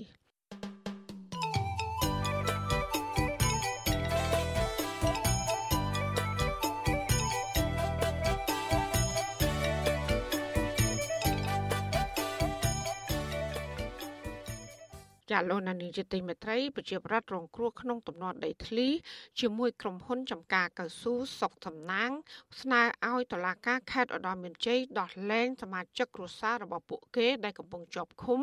និងបញ្ឈប់ការតាមចាប់ពួកគាត់តទៅទៀត សំណើនេះធ្វើឡើងក្រោយពីករណីបណ្ដឹងចេញដោយបង្ខំកាលពីថ្ងៃទី10ខែធ្នូដោយអាជ្ញាធរស្រីពៈស៊ីវិលបានប្រើអំពើហិង្សាវេដំទៅលើប្រជាពលរដ្ឋបណ្ដាលឲ្យពួកគាត់ភ័យតក់ស្លុតរត់គេចខ្លួនចោលផ្ទះសម្បែងខ្លះរងរបួសនិងខ្លះជាប់ពន្ធនាគារជាដើម ប្រជាប្រដ្ឋនៅឃុំត្រពាំងប្រាសាទកំពុងប្រឈមបញ្ហាជីវភាព បន្ទាប់ពីបាត់បង់លំនៅឋាននិងមុខរបរដោយសារអាញាធរដុតបំផ្លាញផ្ទះសម្បែងនិងដកហូតទ្រព្យសម្បត្តិរបស់ពួកគាត់ពាក់ព័ន្ធនឹងទំនាស់ដីធ្លីជាមួយក្រុមហ៊ុនសុកសំណាង ដែលបង្ខំឲ្យពួកគាត់ត្រូវរត់ចោលភូមិស្រុក និងសំងំលាក់ខ្លួនបណ្ដោះអាសន្ន បរតរងគ្រោះក្នុងចំនួនដីធ្លីនៅស្រុកត្រពាំងប្រាសាទខេត្តឧត្តរមានជ័យសុំមិនបញ្ចេញឈ្មោះប្រាប់បច្ចុប្បន្នស៊ីស្រីថាកូនប្រុសរបស់លោកស្រីត្រូវបានអាជ្ញាធរចាប់ខ្លួនកាលពីថ្ងៃទី10ខែធ្នូបច្ចុប្បន្នលោកស្រីនិងក្រុមគ្រួសារកំពុងសម្ងំលាក់ខ្លួននៅផ្ទះសាច់ញាតិលោកស្រីបន្តថាក្រុមគ្រួសាររបស់លោកស្រី បានដួចរត់ចេញពីផ្ទះទាំងបញ្ញាបញ្ញាលដោយមិនបានយកអ្វីតាមខ្លួននោះឡើយក្រៅតែពីខោអាវមួយចង្កេះ លោកស្រីស្នើអាជ្ញាធរដល់លែងកូនរបស់លោកស្រីពីព្រោះសប្តាហ៍លោកស្រីគ្មានទីពឹងនិងគ្មានមុខរបរឬក៏ប្រាក់កាសនោះឡើយអត់មានកហូបកពូនក៏ឲ្យហូបបាយហូបទឹកទៅណាលោកគ្រូទៅមើលមានការងារធ្វើគេស៊ីឈ្នួលគេស៊ីឈ្នួលគេទៅមួយថ្ងៃ12000 20000ក៏ស៊ីឈ្នួលគេទៅលោកគ្រូបោះអស់លលីងហើយលោកគ្រូទៅបីវ៉ាន់ខ្ញុំគេយកអស់លលីងគ្មានសល់ដល់តិចទេលោកគ្រូអើយលលីងខ្ញុំមិនសងឈួនខ្ញុំធ្វើអីខ្ញុំនឹងគួយលើលើលើ បរដ្ឋរងគ្រោះក្នុងទំនាស់ដីធ្លីនៅស្រុកត្រពាំងប្រាសាទខេត្តឧត្តរមានជ័យម្នាក់ទៀតលោកកុចភៀប្រពន្ធស៊ីស្រីនៅថ្ងៃទី17ខែធ្នូថាសមាជិកគ្រួសារលោកចំនួន4នាក់រួមមានប្រពន្ធម្ដាយក្មេកនិងប្អូនថ្លៃ2នាក់ត្រូវបានអាជ្ញាធរចាប់ខ្លួនក្នុងចំនួនដីធ្លីកាលពីថ្ងៃទី10ខែធ្នូលោកថាមកដល់ពេលនេះពួកគេទាំង4នាក់កំពុងជាប់ឃុំឃាំងនៅពន្ធនាគារខេត្តឧត្តរមានជ័យ លោកថាអាញាធរវេដំគ្រួសាររបស់លោកមុនបញ្ជូនទៅឃុំខ្លួននៅពន្ធនាគារធ្វើឲ្យលោកមានការបារម្ភអំពីសុខភាពរបស់ពួកគេលោកស្នើសុំឲ្យតុលាការទម្លាក់បទចោទលើសមាជិកគ្រួសារនិងអ្នកភូមិដទៃទៀតព្រមទាំងស្នើអាជ្ញាធរបញ្ឈប់ការគំរាមកំហែងនិងតាមចាប់ប្រជាប្រដ្ឋដែលនៅសេសសល់បរមតើបំនឹងមិនដឹងធ្វើម៉េចបញ្ជួយប្រពន្ធខ្ញុំបានទេណាប្រពន្ធខ្ញុំតែតែមកខ្ញុំមកតើគឺឲ្យទេបានបងនេះកំពុងតែក្រុនក្នុង ពន្ធនាគារបងប៉ុន្តែគុណបរដ្ឋឲ្យដឹងថាកាលពីថ្ងៃទី15ខែធ្នូបន្ទាប់ពីបានចាប់ខ្លួនបរដ្ឋទាំងនោះមកគាត់ក៏បានទូរស័ព្ទទៅអ្នកភូមិម្នាក់ទៀតដែលកំពុងជាប់ឃុំក្នុងពន្ធនាគារបានរៀបរាប់ប្រាប់ពីស្ថានភាពនិងទុកលំបាករបស់ពួកគេនៅទីនោះ បរដ្ឋរូបនោះឲ្យដឹងទៀតថាក្នុងពន្ធនាគារគ្មានម្ហូបអាហារបរិភោគគ្រប់គ្រាន់ខណៈដែលពួកគេគ្មានប្រាក់កាសជាប់នឹងខ្លួនគ្មានបងប្អូនណាហ៊ានទៅសួរសុខទុក្ខនិងខ្លះទៀតមានរបួសដែលបន្សល់ពីការវេដំរបស់អាជ្ញាធរនៅពេលដែលបណ្ដេញពួកគេទៀតផងនៅទន្ទឹមនេះពួកគេក៏បារម្ភពីស្ត្រីម្នាក់ចិត្តគ្រប់ខែឆ្លងទន្លេ និងស្ត្រីពីរនាក់ទៀតដែលសរសៃខ្ចីគ្មានអាហារហូបចុកគ្រប់គ្រាន់ អង្គការលីកាដូដែលបានតាមដានរឿងនេះឲ្យដឹងថាកាលពីថ្ងៃទី9និងថ្ងៃទី10ខែធ្នូមានកងកម្លាំងប្រដាប់អាវុធនិងដំបងបានចាប់ខ្លួនអ្នកភូមិចំនួន8នាក់និងដុតកំទេចចោលផ្ទះសម្បែងរបស់បរដ្ឋក្នុងតំបន់មានទំនាស់លីកាដូបញ្ជាក់ថាកាលពីខែវិច្ឆិកាអាជ្ញាធរក៏បានចាប់ខ្លួនបរដ្ឋចំនួន4នាក់ក្នុងនោះក៏មានស្ត្រី2នាក់ ប្រជាប្រដ្ឋអះអាងថាអ្នកភូមិដែលអាជ្ញាធរចាប់ខ្លួននិងកំពុងជាប់ឃុំ នៅក្នុងពន្ធនាគារទាំងអស់មានចំនួន27នាក់ចំនួនដីធ្លីរវាងប្រជាប្រដ្ឋជាមួយក្រុមហ៊ុនចំការកៅស៊ូសុកសំណាង បានផ្ទុះឡើងក្នុងឆ្នាំ2021នៅពេលដែលអាជ្ញាធរចាប់ផ្ដើមប្រមាន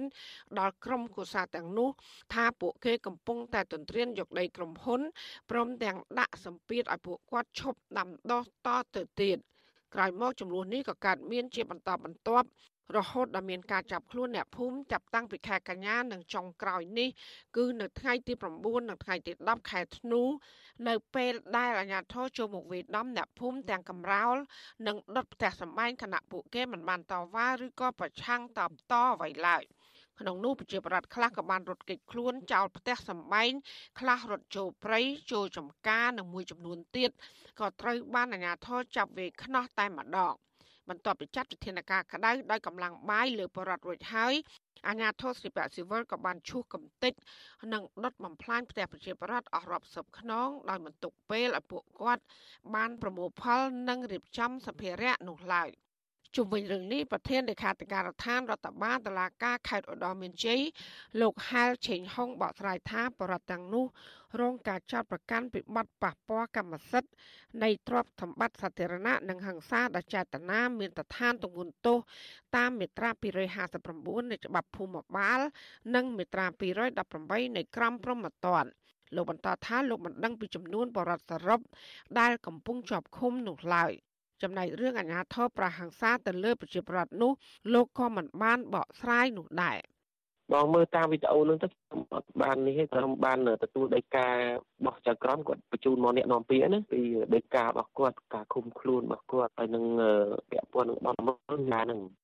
តាក់ទិនរឿងនេះដែរស្នងការដ្ឋាននគរបាលស្រុកត្រពាំងប្រាសាទលោកអួចម៉ៅនិងនៃប៉ុស្តិ៍ត្រពាំងប្រាសាទលោកសូនអត្តរតប្រាប់វិទ្យុស៊ីស្រីដូចគ្នាថាពួកលោកមិនដឹងរឿងនេះឡើយប៉ុន្តែបរដ្ឋដែលរងគ្រោះរឿងដំណត់ដីធ្លីអះអាងថាលោកទាំងពីរក៏ធ្លាប់នាំកម្លាំងសមត្ថកិច្ចចុះមកតំបន់មានចំនួនកាលពីថ្ងៃទី8ខែធ្នូ វត្ថុអសីស្រីមិនអាចតកតងអភិបាលខេត្តឧត្តរមានជ័យលោកប៉ែនកុសល និងមេបញ្ជាការកងរាជអាវុធហត្ថខេត្តនេះគឺលោកពុទ្ធសារានដើម្បីសុំការបកស្រាយបន្ថែមបានទេកាលពីថ្ងៃទី16ខែធ្នូចំណែកតំណាងក្រុមហ៊ុនសុកតំណាងគឺលោកខុតចន្ទថាវិញក៏វត្ថុអសីស្រីមិនអាចតកតងបានដែរប៉ុន្តែលោកធ្លាប់ផ្ដល់បទសម្ភាសឲ្យសារព័ត៌មានក្នុងស្រុកកាលពីថ្ងៃទី24ខែកុម្ភៈថាកន្លងមកខាងក្រុមហ៊ុន និងក្រុមការងារថ្នាក់ខេត្តថ្នាក់ស្រុករួមនឹងសាលាដំបងខេត្តក៏បានចុះពិនិត្យនិងស្រាវជ្រាវទំនាស់ដីធ្លីនេះដល់ទីតាំងរបស់ក្រុមហ៊ុនជាក់ស្ដែងផងដែរលោកបញ្ជាក់ថាក្រុមហ៊ុនសុកសំណាង Development បានទទួលសិទ្ធិវិនិយោគលើផ្ទៃដីចំនួនជិត2000ហិកតាពីរដ្ឋាភិបាល តាំងពីឆ្នាំ2012មកម្លេះហើយក្រុមហ៊ុនបានអនុវត្តឈូសឆាយដាំដុះដំណាំកៅស៊ូបានចំនួន800ហិកតា និងបន្តឈូសឆាយដាំដំណាំកៅស៊ូលើផ្ទៃដីទីតាំងនេះបន្ថែមទៀតក៏មានប្រជាប្រដ្ឋខាងលើហាមឃាត់មិនឲ្យឈូសឆាយទើបក្រុមហ៊ុនស្នើឲ្យអាជ្ញាធរជួយដោះស្រាយនិងអន្តរាគមន៍តាក់ទិនរឿងនេះដែរនាយកទទួលបន្ទុកកិច្ចការទូតនៃអង្គការសិទ្ធិមនុស្សលីកាដូលោកអំសំអាត មើលឃើញថាទង្វើរបស់អាជ្ញាធរបានបង្កការគំរាមកំហែងលើប្រជាពលរដ្ឋបណ្ដាលឲ្យពួកគាត់ប្រព្រឹត្តខ្លួនដោយការភ័យខ្លាច លោកថាទស្សនវិជ្ជាបែបនេះកំពុងធ្វើឲ្យស្ថានភាពមានភាពអាក្រក់កាន់តែខ្លាំងប្រសិនបើគ្មានដំណោះស្រាយតាមផ្លូវច្បាប់និងសមរម្យសម្រាប់ភាគីទាំងសងខាង។អញ្ចឹងវាគួរតែដោះស្រាយគ្នាដោយសន្តិវិធី ដើម្បីស្វែងរកដំណោះស្រាយណាមួយដែលអាចទទួលយកបានទាំងអស់គ្នាហើយជាដំណោះស្រាយសមស្របមួយទៅលើភាគីទាំងសងខាង ដើម្បីបញ្ចប់នៅវិវាទនឹងវាជារឿងល្អ អង្គការសង្គមស៊ីវិលផ្នែកសិទ្ធិមនុស្សធ្លាប់ស្នើអាជ្ញាធរឲ្យបញ្ឈប់ការគំរាមកំហែងការបណ្តេញចេញទាំងបង្ខំការប្រើប្រាស់អំពើហិង្សា ការប្រើប្រាស់ប្រព័ន្ធតុលាការចោតប្រកាន់និងការចាប់ឃុំខ្លួនប្រជាពលរដ្ឋក្នុងរឿងវិវាទដីធ្លីពីព្រោះប្រជាពលរដ្ឋទាំងនោះគ្រាន់តែប្រាសិទ្ធក្នុងការតវ៉ាដើម្បីទាមទាររកយុត្តិធម៌ មន្ត្រីសង្គមស៊ីវិលចាត់ទុកថាប្រសិនបើសកម្មភាពទាំងនោះនៅតែបន្តកើតឡើងនោះនឹងបង្កភាពអវិជ្ជមាននិងការរិះគន់កាន់តែខ្លាំងលើរដ្ឋាភិបាលជំវិញ ការរំលោភសិទ្ធិមនុស្សនិងអំពើពុករលួយចាលោកណានៀងជាទីមេត្រីវັດឈុអសីស្រីសូមជូនដំណឹងថាយើងគ្មានអ្នកយកព័ត៌មានប្រចាំនៅប្រទេសកម្ពុជានោះឡើយ។ បើសិនជាមានជនណាម្នាក់អះអាងថាជាអ្នកយកព័ត៌មានឲ្យវិទ្យុអសីស្រីនៅកម្ពុជានោះគឺជាការក្លែងបន្លំយកឈ្មោះរបស់វិទ្យុអសីស្រីក្នុងគោលបំណងទុច្ចរិតរបស់បុគ្គលនោះចាសសូមអរគុណចាលោកនានីជាទីមេត្រីប្រជានេសាទជាច្រើនគូសាព្រួយបារម្ភពីការបាត់បង់មុខរបរនេសាទ និងទីកន្លែងដាំបន្លែតាមបណ្ដោយច្រាំងទន្លេមេគង្គបន្ទាប់ពីក្រុមហ៊ុនអុកញ៉ាខុនសៀនៅតែបន្តចាក់ដីលុបផ្ទៃទឹកទន្លេមេគង្គនៅតាមបណ្ដោយច្រាំងទន្លេត្រៃខាងកើតប្រវែងជាង4គីឡូម៉ែត្រនៅតំបន់អរិយខ្សាត់ខេត្តកណ្ដាលអ្នកភូមិថាគម្រោងអភិវឌ្ឍខ្នាតធំនេះកំពុងបំផ្លាញទីកន្លែងនេសាទត្រីយ៉ាងសំខាន់របស់អ្នកភូមិនិងធ្វើឲ្យទិន្នផលត្រីថយចុះខ្លាំង ប៉ះពាល់ប្រភពចំណូលសេដ្ឋកិច្ចរបស់ប្រជានេសាទចាសសូមលោកនាងស្ដាប់សេចក្តីរាយការណ៍ពុស្ដាមពីរឿងនេះរបស់អ្នកស្រីសុជីវីប្រជានេសាទនិងអ្នកដែលអាស្រ័យផលទឹកទន្លេរាប់ពាន់គ្រួសារនៅតំបន់អរិយខ្សាត់ស្រុកលវីអែមខេត្តកណ្ដាលស្ដាយស្រណោះផ្ទៃទឹកទន្លេនិងឆ្នេរទន្លេមេគង្គដុះព្រៃលិចទឹកដោយអន្លើអន្លើ មានប្រវែងជាង4គីឡូម៉ែត្រនិងជម្រៅចូលទៅក្នុងផ្ទៃទឹក ចាប់ពី400ទៅ500ម៉ែត្រមានទំហំជាង70ហិកតា កំពុងคล้ายជាដីគោករាក់បណ្ដាបណ្ដាប្រែคล้ายជាទ្រព្យឯកជនរបស់ក្រុមហ៊ុនអុកញ៉ាខុនសៀ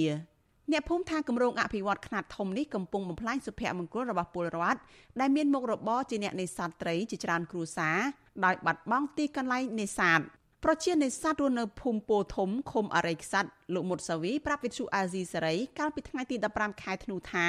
កន្លងទៅគ្រួសារលោកអាចនេសាទត្រីលក់ រកចំណូលបានចន្លោះពី100000រៀលទៅ150,000រៀលនៅក្នុងមួយថ្ងៃ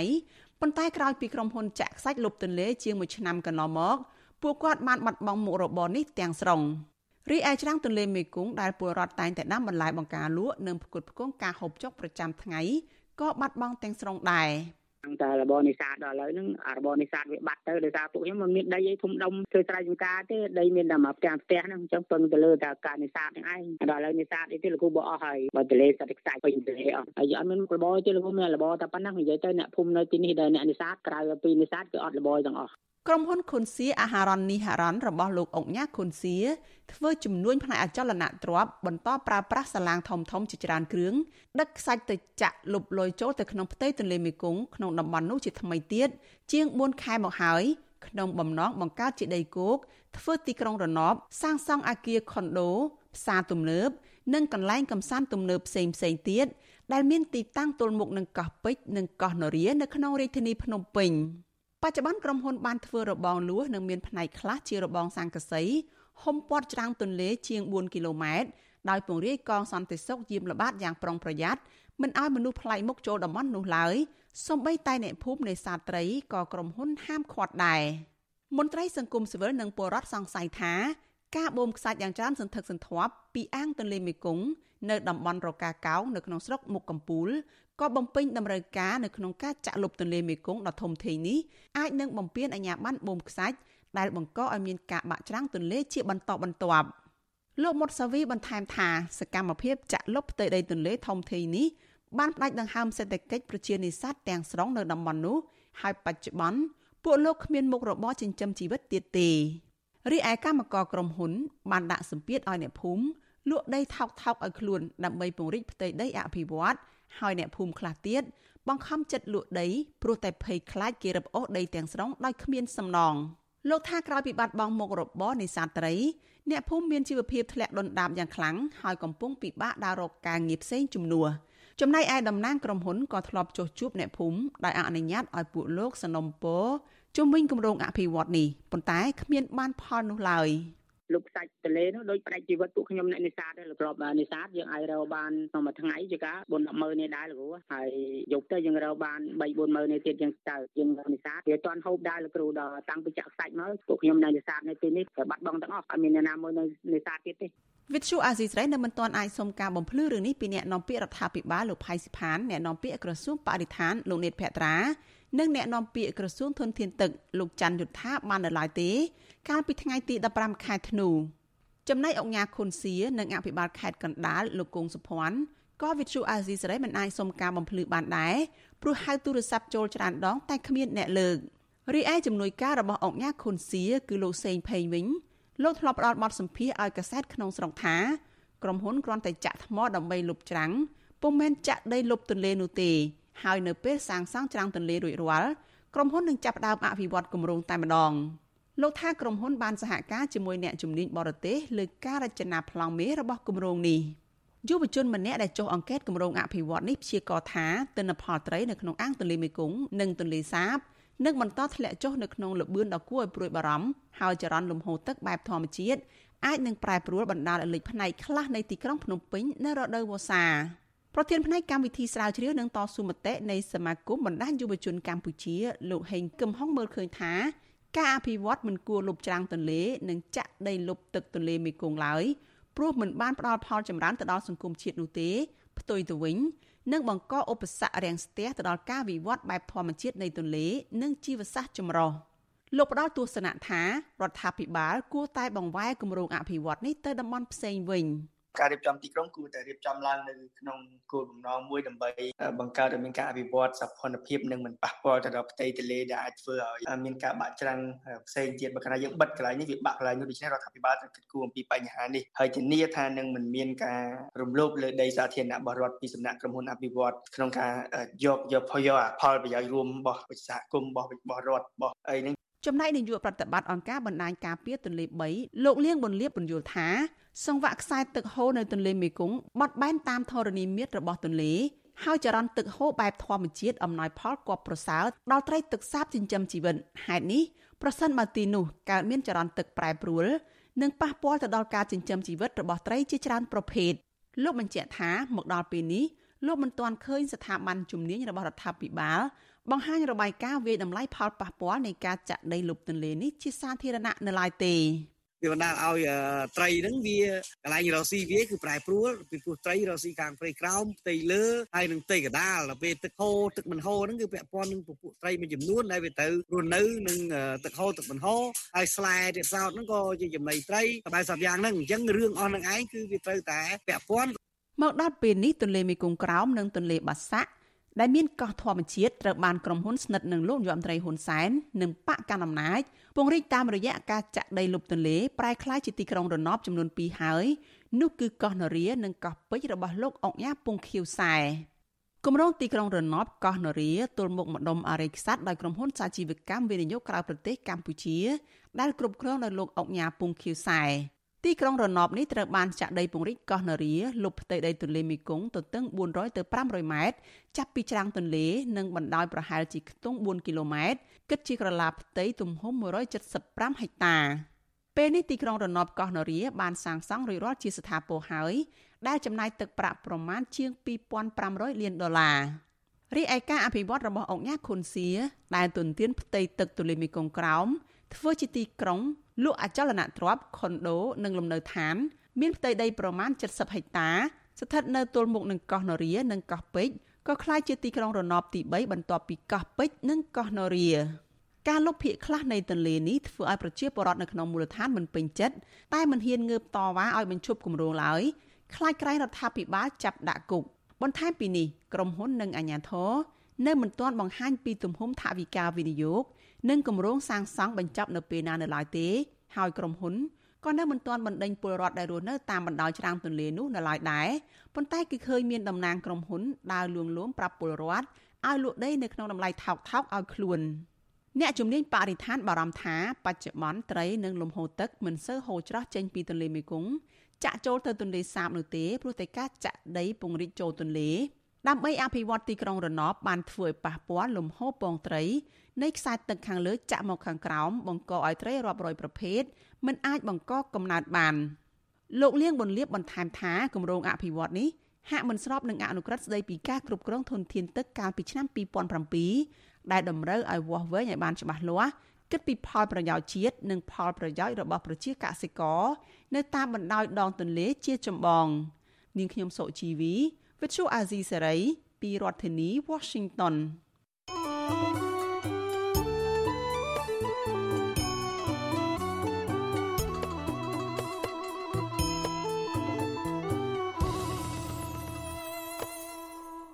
ចាលោកនាងកញ្ញាកំពុងស្ដាប់ការផ្សាយរបស់វិទ្យុអាស៊ីស្រីផ្សាយចេញពីរដ្ឋធានី Washington ប្រជាប្រដ្ឋក្រីក្រដែលគ្មានទីពឹងជាច្រើនអ្នករស់នៅលើគំនរសំរាមក្នុងរាជធានីភ្នំពេញ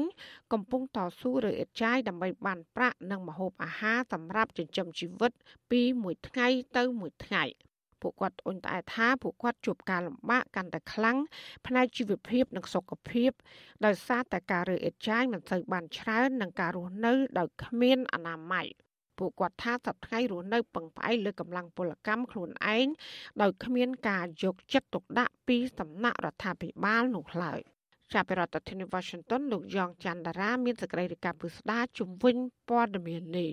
គំនោសម្រាមគឺជាប្រភពនៃមេរោគនិងភាពកខ្វក់ ក៏ប៉ុន្តែសម្រាប់ជនក្រីក្រដែលគ្មានជំរើសវិញគំនោសម្រាមគឺជាទីជំរកនិងជាកន្លែងប្រកបមុខរបរសម្រាប់ចិញ្ចឹមជីវិតរបស់ពួកគាត់ពីមួយថ្ងៃទៅមួយថ្ងៃបច្ចុប្បន្ននេះប្រជាពលរដ្ឋក្រីក្រជិត1000គ្រួសារមកពីតំបន់ផ្សេងផ្សេងរួមមានខេត្តកណ្ដាលខេត្តព្រៃវែងតាកែវនិងរាជធានីភ្នំពេញជាដើមកំពុងតែរស់នៅក្នុងតំបន់គំនរសម្រាមនៅខណ្ឌដង្កោរាជធានីភ្នំពេញដើម្បីតស៊ូរើសសម្រាមក្រោមកម្ដៅថ្ងៃនិងមេឃភ្លៀងទាំងយប់ទាំងថ្ងៃ រួមនឹងបរិស្ថានពោពេញទៅដោយក្លិនស្អុយលោកស្រីមេងជេនីគឺជាប្រជាពលរដ្ឋម្នាក់ដែលមានដើមកំណើតនៅខេត្តព្រៃវែងបច្ចុប្បន្នមករស់នៅក្បែរនឹងគំនរសម្រាមនៅក្នុងភូមិតាលីខណ្ឌដង្កោរាជធានីភ្នំពេញជាមួយនឹងប្តីរបស់គាត់លោកស្រីប្រាប់វិទ្យុអាស៊ីសេរីថាជីវភាពរបស់គាត់កាន់តែខ្វះខាតដោយសារតែការរើសសម្រាមយកមកលក់មិនសូវបានលុយច្រើនពីព្រោះតម្លៃអេតចាយក៏កាន់តែចុះថ្លៃជាងមុន ក្នុង1គីឡូក្រាមបានតែ500រៀលទៅ1000រៀលប៉ុណ្ណោះលោកស្រីត្អូញត្អែថាចំណូលដែលរកបានតិចតួចនេះមិនគ្រប់គ្រាន់លើការចំណាយចំពោះការព្យាបាលជំងឺប្រចាំកាយរបស់ប្តីលោកស្រីនោះទេរកបានហូបគ្រប់ផងនឹងខ្វះមុខខ្វះក្រោយប្តីខ្ញុំគាត់ឈឺរហូតញឹកឈឺញឹកឈឺអញ្ចឹងហូបចុកយើងវាអត់គ្រប់គ្រាន់អញ្ចឹងយើងលុយកាក់យើងរត់សូវបានអញ្ចឹង chờ បានមហូបមហែបរើសមកអញ្ចឹងទៅ យើងយកមកហូបចុកអញ្ចឹងពេលអញ្ចឹងពិបាកពួកអីយើងរើសអត់បានគ្រប់អញ្ចឹងមានលុយទិញមកហូបហូបចុកគ្រប់អញ្ចឹងលោកស្រីមេងជានីបានសម្រេចចិត្តមករើសអេតចាយលក់ជាមួយនឹងប្តីនៅរាជធានីភ្នំពេញអស់រយៈពេលជាង3ខែមកហើយក្រោយលាឈប់ពីការងារជាកម្មកររោងចក្រកាត់ដេរនៅឯស្រុកកំណើតចំណែកប្តីរបស់លោកស្រីវិញគាត់បានមកប្រកបរបររើសសម្រាមតែម្នាក់ឯងនៅរាជធានីភ្នំពេញអស់រយៈពេលជាង20ឆ្នាំមកហើយ លោកស្រីឲ្យដឹងថាការរើសអេតចាយនៅក្នុងមួយសប្តាហ៍លក់បានថវិកាយ៉ាងច្រើនត្រឹម30ម៉ឺនរៀលគំនរចាក់សម្រាមនៅក្នុងខណ្ឌដង្កោរាជធានីភ្នំពេញនេះបានក្លាយជាកន្លែងប្រកបមុខរបររបស់ប្រជាជនក្រីក្រដែលគ្មានចំណេះដឹងគ្មានការងារធ្វើក្មេងដែលគ្មានទីពឹង និងគ្មានទីលំនៅពិតប្រាកដដើម្បីរកប្រាក់ចំណូលចិញ្ចឹមជីវិតប្រចាំថ្ងៃបើទោះបីជាមុខរបរនេះមនុស្សភាគច្រើននាំគ្នាខ្ពើមរអើមដោយសារតែមានក្លិនស្អុយយ៉ាងណាក៏ដោយចុះ ក៏មុខរបរនេះคล้ายជារឿងធម្មតាមួយរបស់ប្រជាពលរដ្ឋរាប់ពាន់គ្រួសារដែលកំពុងតែពឹងអាស្រ័យអ្នករើសអេតចៃម្នាក់ទៀតលោកកិនតាន់ដែលមានលំនៅឋានជាប់ទៅនឹងគំនរចាក់សម្រាមដែរនោះឲ្យដឹងថាស្ថានភាពរបស់លោករកមួយថ្ងៃចិញ្ចឹមជីវិតមួយថ្ងៃទោះក្តៅរងាក៏ដោយក៏លោកនៅតែបន្តធ្វើការដោយភាពអត់ធ្មត់លោកអះអាងថាបញ្ហាជីវភាពនេះមិនមែនប៉ះពាល់តែរូបលោកប៉ុណ្ណោះទេ ក៏ប៉ុន្តែបញ្ហានេះវាបានប៉ះពាល់ដល់កូនរបស់លោកទាំង3នាក់ផងដែរដោយពួកគេមិនអាចបន្តការសិក្សាបានខ្ពស់ឡើយលោកថាពួកគេត្រូវបង្ខំចិត្តមករើសសម្រាមជាមួយនឹងឪពុកម្ដាយដើម្បីជួយដោះស្រាយជីវភាពគ្រួសារមួយថ្ងៃវាបាន4 5 6ម៉ឺនអីហ្នឹងគាត់ថាយើងចំណាយទៅចាយវាឲ្យទីចុកសល់តិចតួច10000 20000អីទុកសម្រាប់គាត់គង់ឲ្យស្អែកខាត់ស្អែកទៀតហ្នឹងបើយើងរយសល់ទាំងដុំកពួនហ្មងមិនសល់ទេ ចាយជន់ឥឡូវចុះថាចុះថោកទៀតហើយហ្នឹងពីចាយកាន់តែចុះថោកតំណែងកាន់តែឡើងថ្លៃយើងធ្វើម៉េចហ្នឹងបើមុខរបរយើងប្រកបតែមុខរបរនឹងវាវាយូរមកហើយទៅតែចាយនឹងរកស៊ីអីនឹងធ្វើការងារអីបើយើងអត់មានចំណេះជាគេហងវិទ្យុអាស៊ីសេរីមិនអាចតាក់ទងអភិបាលរាជធានីភ្នំពេញលោកខុងស្រេងដើម្បីសូមអត្ថាធិប្បាយជុំវិញរឿងនេះបានទេដោយហៅទូរស័ព្ទចូល តែពុំមានអ្នកទទួល ទោះជាយ៉ាងណាប្រធានមជ្ឈមណ្ឌលប្រជាពលរដ្ឋដើម្បីអភិវឌ្ឍនិងសន្តិភាពលោកយងកំឯងមើលឃើញថាបញ្ហាប្រជាពលរដ្ឋរស់នៅតំបន់គំនរសំរាមនេះគឺជារឿងមួយដែលអាជ្ញាធរពាក់ព័ន្ធត្រូវតែគិតគូរដើម្បីស្វែងរកនូវកិច្ចគាំពៀសង្គមមួយត្រឹមត្រូវជូនពួកគាត់លើសពីនេះទៅទៀតសេវាផ្ដល់ការពិនិត្យសុខភាពដែលឥតគិតថ្លៃក៏ត្រូវតែផ្ដល់ជូនពួកគាត់ឲ្យមានប្រសិទ្ធភាពផងដែរបើមិនដូច្នេះទេលោកយល់ថាអត្រានៃពលរដ្ឋងាយរងគ្រោះទាំងនោះ នឹងបន្តកើតមានជាហូរហែជាពិសេសកុមារប្រឈមការបាត់បង់ការអប់រំកាន់តែច្រើនឲ្យពួកគាត់អាចរស់នៅបានអាចប្រកបរបរបន្តធ្វើកិច្ចការងារនឹងតទៅទៀតឬក៏គាត់អាចចាប់ផ្ដើមអាជីវកម្មអីផ្សេងផ្សេងទៀតឬក៏ឲ្យគាត់មានលទ្ធភាពកាន់តែខ្ពស់ក្នុងការកែច្នៃសម្រាមអីហូរហែបាទមានកុមារាកុមារីនិងយុវជនជាច្រើនអ្នកផ្សេងទៀតបានមករើសអេតចាយនៅគំនរសម្រាមនៅក្នុងខណ្ឌដង្កោនេះជាប្រចាំ និងរហូតដល់ពេលខ្លះពួកគេត្រូវដេកនៅលើគំនរសម្រាមនេះទៀតផងគំនរសម្រាមនេះមានក្លិនស្អុយស្ទើរតែដកដង្ហើមមិនចង់កើតសម្រាប់អ្នកចំណូលថ្មីនិងអ្នកធ្វើដំណើរឆ្លងកាត់ក្បែរនោះក៏ប៉ុន្តែវាបែរជាស៊ាំសម្រាប់ប្រជាពលរដ្ឋនិងក្មេងៗដែលគ្មានទីបង្អែកទាំងនេះរបាយការណ៍របស់អង្គការសុខភាពពិភពលោកឲ្យដឹងថាសម្រាមមានផ្ទុកទៅដោយសារធាតុគីមីមួយចំនួនដែលអាចបង្កឲ្យកើតទៅជាជំងឺមហារីក និងជំងឺរលាកផ្លូវដង្ហើមរ៉ាំរ៉ៃអង្គការសង្គមស៊ីវិលប្រួយបារម្ភថាកត្តាជីវភាពរបស់អាណាព្យាបាល កំពុងតែធ្វើឲ្យក្មេងៗភ័យច្រើនត្រូវតែបង្ខំចិត្តឈប់រៀនដោយមករើសអេតចាយដើម្បីផ្គត់ផ្គង់គ្រួសារដូច្នេះរដ្ឋាភិបាលត្រូវតែគិតគូររឿងនេះឡើងវិញដើម្បីផ្ដល់កិច្ចគាំពារសង្គមជូនពួកគាត់ខ្ញុំយ៉ងច័ន្ទដារាវិទ្យុអាស៊ីសេរីរាយការណ៍ពីរដ្ឋធានី Washington